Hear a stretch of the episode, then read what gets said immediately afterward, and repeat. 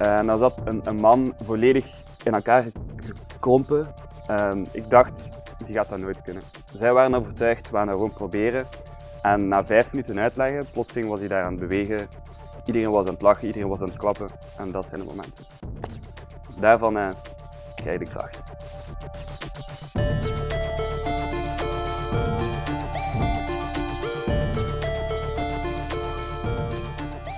Welkom bij Health Nerd, een podcast op het kruispunt van zorg, technologie en ondernemerschap. Mijn naam is Tom Raakleers en dit is de Health Nerd Podcast.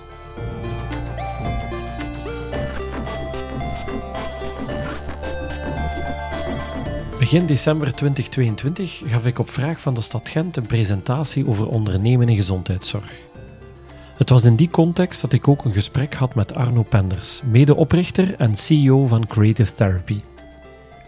Het is een bedrijf en team dat ik al heel wat jaren ken en ik heb dan ook het geluk gehad hen te zien groeien van een paar studenten met een idee tot het bedrijf dat ze vandaag zijn.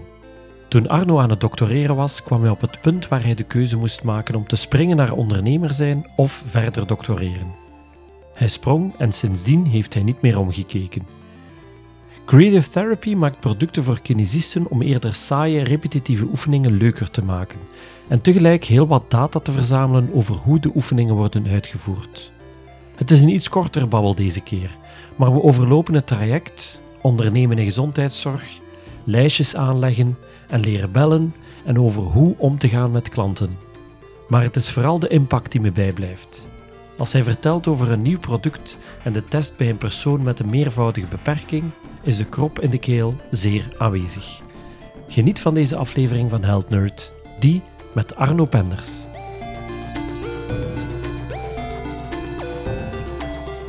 Ik ben uh, dus Arno, ik ben de CEO en een van de oprichters van Creative Therapy. Uh, we zijn eigenlijk in 2017 gestart als een soort van studentenproject binnen de Universiteit Gent, waar ik uh, industrieel ingenieur studeerde en de mensen van Revaki, de kinesisten, naar ons zijn gekomen met een specifiek probleem. Hoe kunnen we uh, kinderen met DCD, die heel lange revalidatieprocedures moeten doorstaan, um, gaan motiveren tijdens de revalidatie? Omdat ze zagen, de patiënten die gemotiveerd blijven, die boeken veel sneller, veel betere resultaten. De mensen die plotseling motivatie gaan naar beneden, ze doen niet meer goed op school, het gaat allemaal achteruit, dan plotseling gaan die uh, therapeutische resultaten ook naar beneden. Dus motivatie was hetgeen wat we hadden oplossen.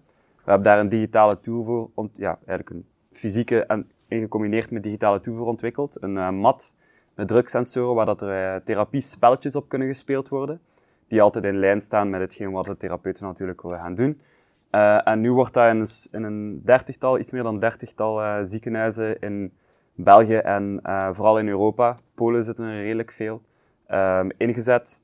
Uh, niet enkel voor DCD, maar voor allemaal verschillende langdurige validatieprocessen. Dus uh, als we kijken naar de niet aangeboren hersenletsels, als we kijken naar de ja, um, uh, obesitaspatiënten, mensen die eigenlijk heel vaak moeten terugkomen voor revalidatie, die mensen gebruiken vaak een MATI. Ja. En dan nu hebben we ook een nieuw product ontwikkeld, specifiek voor um, ouderenzorg, vooral in de woonzorgcentra, die we twee maanden geleden gelanceerd hebben. Kun je daar iets meer over zeggen, de Squeezy? Ja, uh, de Squeezy um, kwam eigenlijk vanuit de problemen die we zagen met de Matti. Uh, de Matti wouden we eigenlijk maken voor alle kinesisten, maar uiteindelijk bleek dat de enige mensen die het gingen kunnen kopen, de enige organisaties, waren die grotere ziekenhuizen. We, we zijn gestart aan een prijs van 2000 euro voor een unit. En dat was te veel voor gewone kinesisten, dat was te veel voor de woonzorgcentra. Um, maar voor die ziekenhuizen was dat redelijk weinig. Dus nu zitten we eigenlijk al aan, ja, aan 6000 uh, euro voor één unit. Vaak komt daar nog wat extra uh, installatiekosten bij. Dat je tussen de 6 en de 10.000 euro zit. Um, maar dat was natuurlijk niet onze originele doelstelling. Dus nu hebben we een balletje gemaakt, uh, waar dat er veel simpelere technologie in zit, die veel flexibeler gebruikt kan worden. Uh, waar dat de um, zorgverleners eigenlijk mee op de kamer van de ouderen kunnen gaan om op die kamer oefeningen te gaan doen. Um, ja, op een heel laagdrempelige manier kunnen ze dan beginnen bewegen vaak. Ja, werken op knijpkracht, flexibiliteit van de bovenste ledematen. Voor creative therapy is dan de doelstelling dat je zegt, wij willen nog van dat soort zaken, of wij willen breder gaan in landen en nog in meer landen Matti en Squeezie gaan verdelen? Of zit het volgende product al in de pipeline?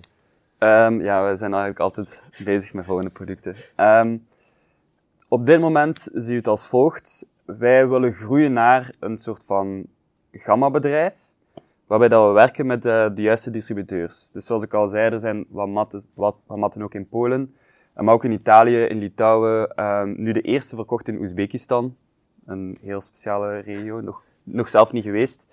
Um, maar dat gaat eigenlijk altijd via distributeurs, omdat België gewoon, gewoon te klein is. Um, met 30, als we het aan 30 ziekenhuizen verkocht hebben, en er zijn 100 ziekenhuizen in België, um, dan weet je dat je, er, gaat er geen 100 meer kunnen verkopen. Dat is, onmogelijk. Dus moet je eigenlijk wel naar buiten gaan. En de doelstelling is eigenlijk om nieuwe producten te gaan uh, ontwikkelen binnen eenzelfde digitale ecosysteem, dat die tools allemaal aan hetzelfde platform uh, connecteerd worden. Uh, zodat we eigenlijk een gamma naar buiten kunnen, kunnen sturen, zodat kinesisten, ergotherapeuten en gewoon zorgverleners in het algemeen kunnen kijken welke tools voor hun relevant zijn en, en zo in hun systeem steken. Wanneer is voor jou de klik gekomen van studentenproject, wat je ook je thesis en dat zelfs begin van een doctoraat op doet, richting, oké, nu gaan we daar een bedrijf van maken? Um, ja, dat is eigenlijk een hele harde klik moeten zijn. Heel harde gesprek. Um, ik deed mijn doctoraat hier in de Krook. en dat was dat een van de onderdelen waar ik onderzoek naar deed. Ik deed onderzoek naar um, digitale tools uh, implementeren naar human-computer interaction. Dus mensen interageren met computers. Um, dan vooral op de, de health tech. Um, was daar één onderdeel van. En dan uh, plotseling zei een van de proffen waar ik mee samenwerkte van... Ja, Arno, ja, het is nu kiezen. Oftewel doe je het doctoraat, oftewel doe je het bedrijf. Je kunt ze niet beide doen, want de focus moet er liggen. Um, en dan heb ik redelijk snel die dag zelf nog uh, besloten om het om voor het bedrijf te gaan. En hoe kijk je terug op dat traject? Als je als student, dan ben je een stukje onwetend wat het is om een bedrijf te runnen. Dan begin je te doctoreren, dan neem je die keuze. En dan begint het traject pas van een bedrijf te runnen. Eh, hoe, kijk je daar nu op terug, vijf jaar na datum? Ja, je weet eigenlijk niks. Um, maar uh, ik denk ook niet dat je iets kan leren zonder het te doen. Um, je kunt alle boeken beginnen lezen. Je kunt alles alle tips zoeken, alle mentors hebben. Maar uh, zonder effectief het te doen, en daarmee bedoel ik echt gewoon de telefoon oppakken, bellen naar een ziekenhuis en vragen, mag ik langskomen om dat, om dat te doen, om dat te testen. Zonder dat te doen, ga je dat nooit leren. Wat er nu ook opvalt, um, is, omdat ik dat al zoveel jaren doe, en we, hebben nu bijvoorbeeld twee nieuwe salesmensen, um, die veel meer ervaring hebben. Uh, ja, een van toch eh, veel meer ervaring heeft in sales, toch dat gesprek dat moet gebeuren uh, aan de telefoon met die zorgverleners. Bij mij is, is de conversion rate zoveel hoger, omdat je na een tijdje gewoon dat gesprek geleerd hebt. Wat zijn de dingen die zorgverleners belangrijk vinden? Daarop gaan focussen, zorgen dat de antwoorden, allee, dat hetgeen wat je bespreekt met hen, hetgeen is wat daar relevant is voor hen, zij kijken niet naar technologie. Dat, heb je al eerder gezegd. Er wordt echt niet gekeken naar technologie. Er wordt gekeken naar added value. Als jij zegt, ah, ik heb een zotte technologie met druksensoren en beweging en bla bla bla, ja, die weten niet wat dat betekent. Maar als je zegt van, ja, ik heb een oplossing gemaakt zodat je je ouderen um, langer flexibel kan houden, het motiveert hun, ze gaan, heel, ze gaan het heel leuk vinden om therapie te gaan doen. En je kan ook nog een keer de, de knijpkracht van hun uh, onderzoeken. Krijpkracht is blijkbaar een, een, hele grote indicator van de evolutie van ouderen uh, over tijd. Um, dan plotseling gaan alle belletjes rinkelen en zeggen van, ja, dat kan interessant zijn. Um, maar zonder het te doen, ga je, ga je dat gesprek, wat zij interessant vinden, nooit, nooit achterhalen. Was er voor jou een moment dat je realiseerde van, oké, nu hebben we hier een product en nu zijn we echt impact aan het creëren voor die kinderen met DCD of voor die, die patiënten die uw product gebruiken? Uh, ja, dat is altijd... Het leukste is gewoon um, een demo doen uh, of, na, na een sale terugkomen en zien dat het gebruikt wordt. Um, ja, onlangs zijn we met de Squeezie naar een nieuwe groep gegaan. Mensen, van, uh, mensen met een meervoudige beperking. Zij hebben ons gecontacteerd, zij wilden zelf een demo. We dachten van, dat is niet onze doelgroep. En dan zat een, een man volledig in elkaar gekrompen. Ehm, we dacht, ik dacht, die gaat dat nooit kunnen. Um, zij waren overtuigd, we gaan dat gewoon proberen. En na vijf minuten uitleggen, plotseling was hij daar aan het bewegen. Iedereen was aan het lachen, iedereen was aan het klappen. En dat zijn de momenten. Daarvan uh, krijg je de kracht. Ja. Zijn er ook momenten geweest dat je dacht van... Arno, mee was hij bezig? Uh, om, om gewoon de handdoek in de ring te gooien en als het niet liep. Zijn er ook zo momenten geweest? Ja, ja. maar dat is gewoon um, eens dragen. Dus je gaat naar een ziekenhuis en ze zeggen, top, we gaan dat kopen. En dan negen maanden later zitten te discussiëren met een, over een DPA en over, ja, over ah, kunnen we dit woordje in dit document nog aanpassen en, en dan is het zeker goed. Ja, en dan, dan een jaar later uh, kunnen eindelijk overgaan naar installatie, of niet. Het is voor ons wel nog nooit gebeurd dat uh, eens dat we zo ver zaten, um, is wel altijd gegaan, maar foe, dat kost tijd. Wij moeten natuurlijk praten met de kinesisten en de therapeuten. Als zij overtuigd zijn, is de kans redelijk groot dat het, dat het goedgekeurd gaat worden. Uh, maar dat wordt niet goedgekeurd door hun, dat wordt goedgekeurd door hun baas, die dat dan moet gaan voorstellen van, mogen we dat dit jaar op het budget doen? En de mensen die daarboven zitten, dat zijn zelf al geen therapeuten meer. Um, ja, die, die gaan overtuigd moeten worden. En dat is via documentatie. En, en zij gaan dan minder kijken naar wat dat het tool doet. Ze gaan dan meer kijken naar, ja, hebben we alle documenten al binnen? Um, past dat met onze ICT-dienst? En die ICT-dienst is ook, ja, die, die kijkt ook heel technisch daarnaar. Um, dus dan moet al, al die mensen in die, in die schakel moeten overtuigd worden en meegenomen worden in dat verhaal. En dat is ja, een grote moeilijkheid. En ja, als ze niet willen, dan, dan kunnen ze daar wel ook wat, wat langer over doen, denk ik.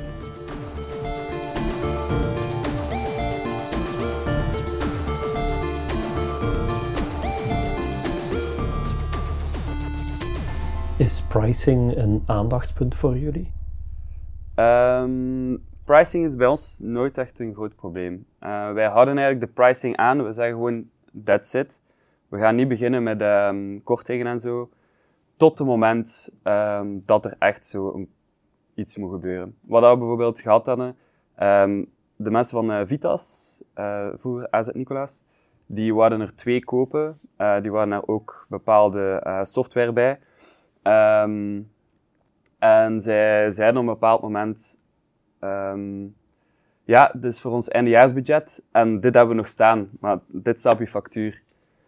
En dan zeggen zij, ja, je kunt twee dingen doen. Je kunt wachten en dan uh, kunnen we het aankopen volgend jaar. En dan zien we je terug binnen één jaar. Of je kunt ons die 2000 euro korting geven en dan, en dan zegt je, ja, oké. Okay. Allee, dan zeg ik dat. Hoe bieden jullie jullie producten aan in de markt? Is dat een licentie of verkopen jullie de hardware apart? Um, we hebben eigenlijk twee opties. De Matti is eigenlijk een investeringsgoed. Dus dat wil zeggen, je koopt hem eenmalig aan. Dat is gewoon omdat de ziekenhuizen zo, zo werken. Um, met de mogelijkheid voor een licentie. Dat is oftewel een jaarlijkse of een vijfjaarlijkse. Uh, de jaarlijkse is voor degenen die uh, kunnen werken met recurring. De vijfjaarlijkse is voor degenen die zeggen, ja nee, zelfs software kunnen wij niet als recurring zien. Dat moet een eenmalige investering zijn. En dan krijg je het gewoon voor vijf jaar. Um, maar met onze nieuwste tool, de Squeezy, uh, omdat die prijs zoveel lager is, um, die kost 950 euro, um, hebben wij er ook een, een, oplossing voor pure licentie bij gezet. Dus dat je eigenlijk gewoon de hardware krijgt. Hij is niet van u, maar jaarlijks betaal je dan 450 euro en krijg je ook alle software tools erbij. Uh, die natuurlijk bij de, als je de eenmalig aankoopt, zit dat er niet bij. We zien het als een soort van pakket. Um, omdat ze dat ook, ja, uh, ze willen dat makkelijk gebudgeteerd zien. En je moet weten, elk jaar moet dat opnieuw gebeuren uh, bij een jaarlijkse licentie. Dus als dat in één pakketje kan zitten en ze weten supergoed wat dat daarin zit, dan is dat makkelijker voor hen om te zeggen, oké, ja, we gaan dat weer betalen.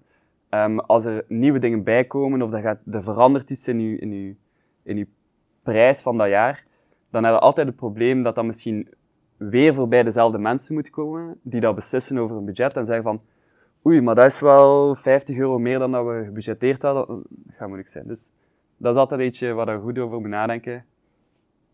Uh, gaat het lukken om die jaarlijkse licentie te doen?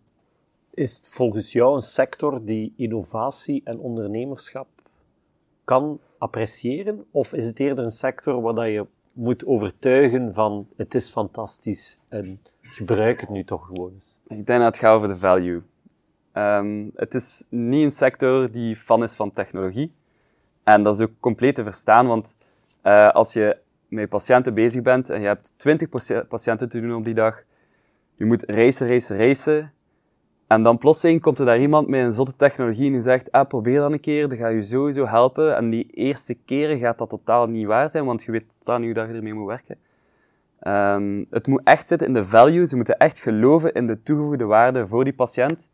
Misschien ook voor hun eigen um, manier van werken, dat het sneller zou gaan naar de toekomst toe. Dan, dan wel. Um, en dan nog gaan de mensen die zeggen, nee, voor mij nooit. Een interessante. Onlangs was ik met een uh, dame aan, aan, de telefoon en uh, zij wou de squeezie um, niet gebruiken. En uh, dan ja, doorvragen en zat van alle redenen die allemaal totaal ja, belachelijk waren. Ja, niet belachelijk waren, het waren naar redenen.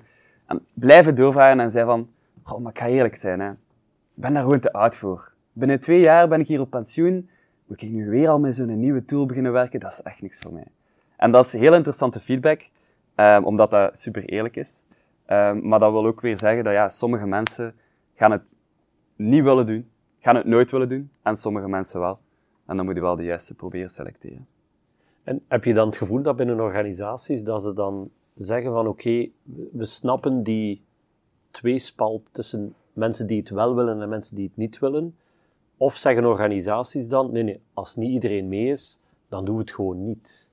Het gaat vaak over een percentage. Er moeten echt wel genoeg mensen mee zijn en mee willen zijn, want anders gaat het nooit geïmplementeerd worden. En, en dat is gewoon volledig correct van hun kant. Hè. Um, als er één persoon is die super fan is en de rest zegt, ik ga het nooit gebruiken, waarom zouden ze het kopen? Uh, ik denk dat het echt in een organisatie moet geïmplementeerd worden dat daar nu één, twee kinesisten zijn die daar niet mee willen werken, oké, dat is geen enkel probleem. Maar de, de meerderheid, de toevoegde waarde moet er zijn. Het moet een tool zijn die vaak continu gebruikt kan worden, want het is een investering geweest en ze willen dat eruit halen. En dat is iets waar ze enorm op letten. Even naar dat regelgevend kader gaan, wat ik daar net ook al over had. Uh, hoe complex is het om dat te navigeren als jonge, kleine start-up? in alles wat met certificering en wetgeving en GDPR. En... Um, in het begin denk je, de oplossing is gewoon zoveel mogelijk experten gaan, gaan vinden en ermee gaan praten. En dat is op, op zekere manier wel correct. Je moet eigenlijk alle informatie verzamelen, maar op een bepaald moment moet je het gewoon zelf gaan lezen. En dan is dat gewoon documentatie, droge documentatie van de overheid. Gaan kijken wat moet er gebeuren. Um, zorg dat je daar echt wel een paar maanden tijd voor pakt. Uh, ons heeft het een um, zevental, achttal maanden geduurd. Dat we eigenlijk van nul zijn gestart tot CE-keuring type 1. Dus dat is de, de meest basic uh, zelfcertificering die je kunt doen. Um, dus dat kost tijd, maar dat is haalbaar. Je moet gewoon ja, een keer beginnen aan de documentatie. En dan nog kunnen zeggen van, goh, ik snap er niks van, ik ga een of andere consultant inzetten, maar uh, in principe is het wel mogelijk om gewoon ervoor te gaan. Hoe navigeer je als jonge start-up in, in dat complex landschap? Want het is niet dat, dat je een telefoonboekje hebt waar alle kinesisten van het land in staan en dat je gewoon kunt zeggen, ben ik ik, ah, ja, een keer langskomen. Ja, ja toch, toch wel zo eigenlijk. Um, toch je, wel, je, hebt dat, je hebt dat boekje niet staan, uh, maar eigenlijk alles vind je toch wel online op een of andere manier. En um, dan is het belangrijk, um, ja, er zijn hier mensen van in de zorg, dus die weten, ja, jullie mails, dat wordt zeer weinig gebruikt. Um, mensen bellen. Um, en het ambetantste, wat, wat iedereen altijd meemaakt, is de, de receptioniste, die zegt van, ah ja, goh ja, nee, uh, ik denk niet dat ik ga kunnen doorgeven aan uh, de kinesisten. Um, stuur anders een mailtje. Nooit. Die gaan nooit toekomen.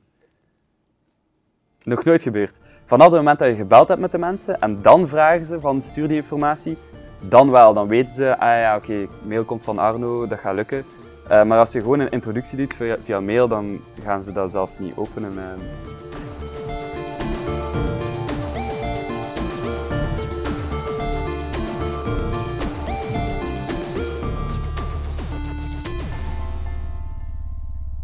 Heb jij nog tips voor beginnende ondernemers? Uw top 3 Top drie pro-tip. tips.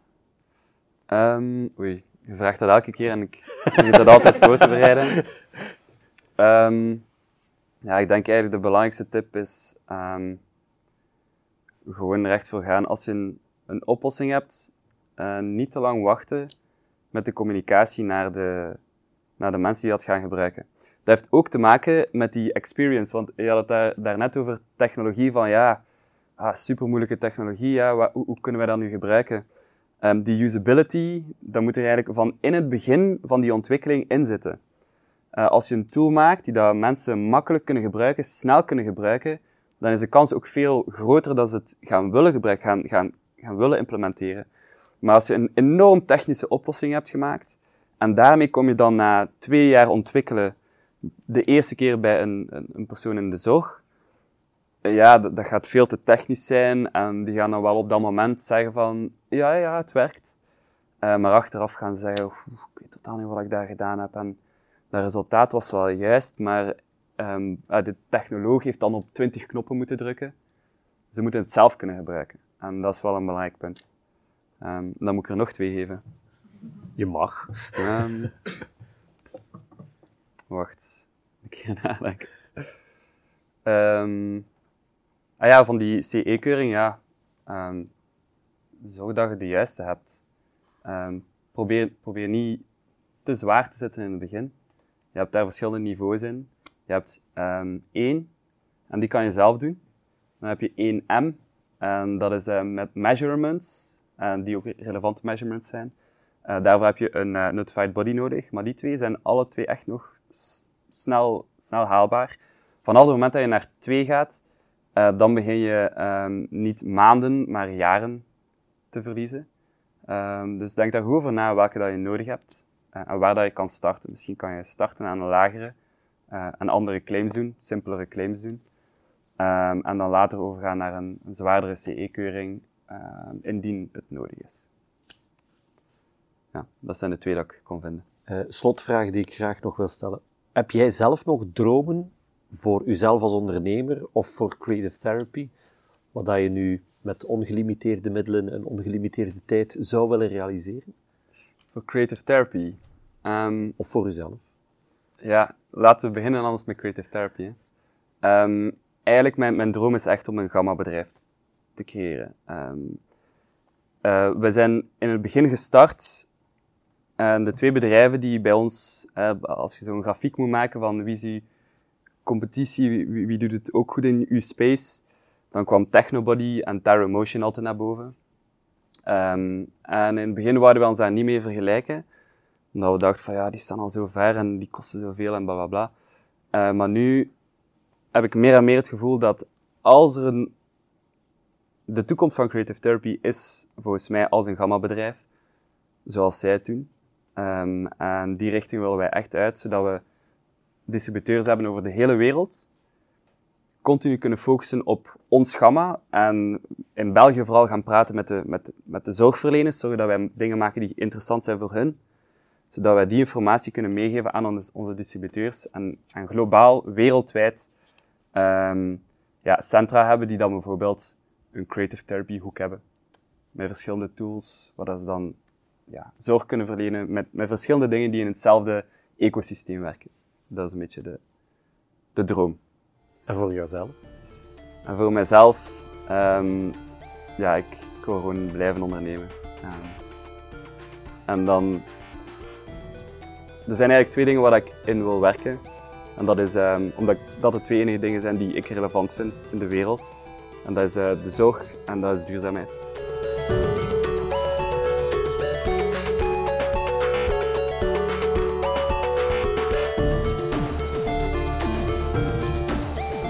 Hiermee sluiten we deze aflevering van Health Nerd af. Wil je deze of andere afleveringen herbeluisteren? Ga naar je favoriete podcastapplicatie of bezoek healthnerd.eu. Heel graag tot de volgende.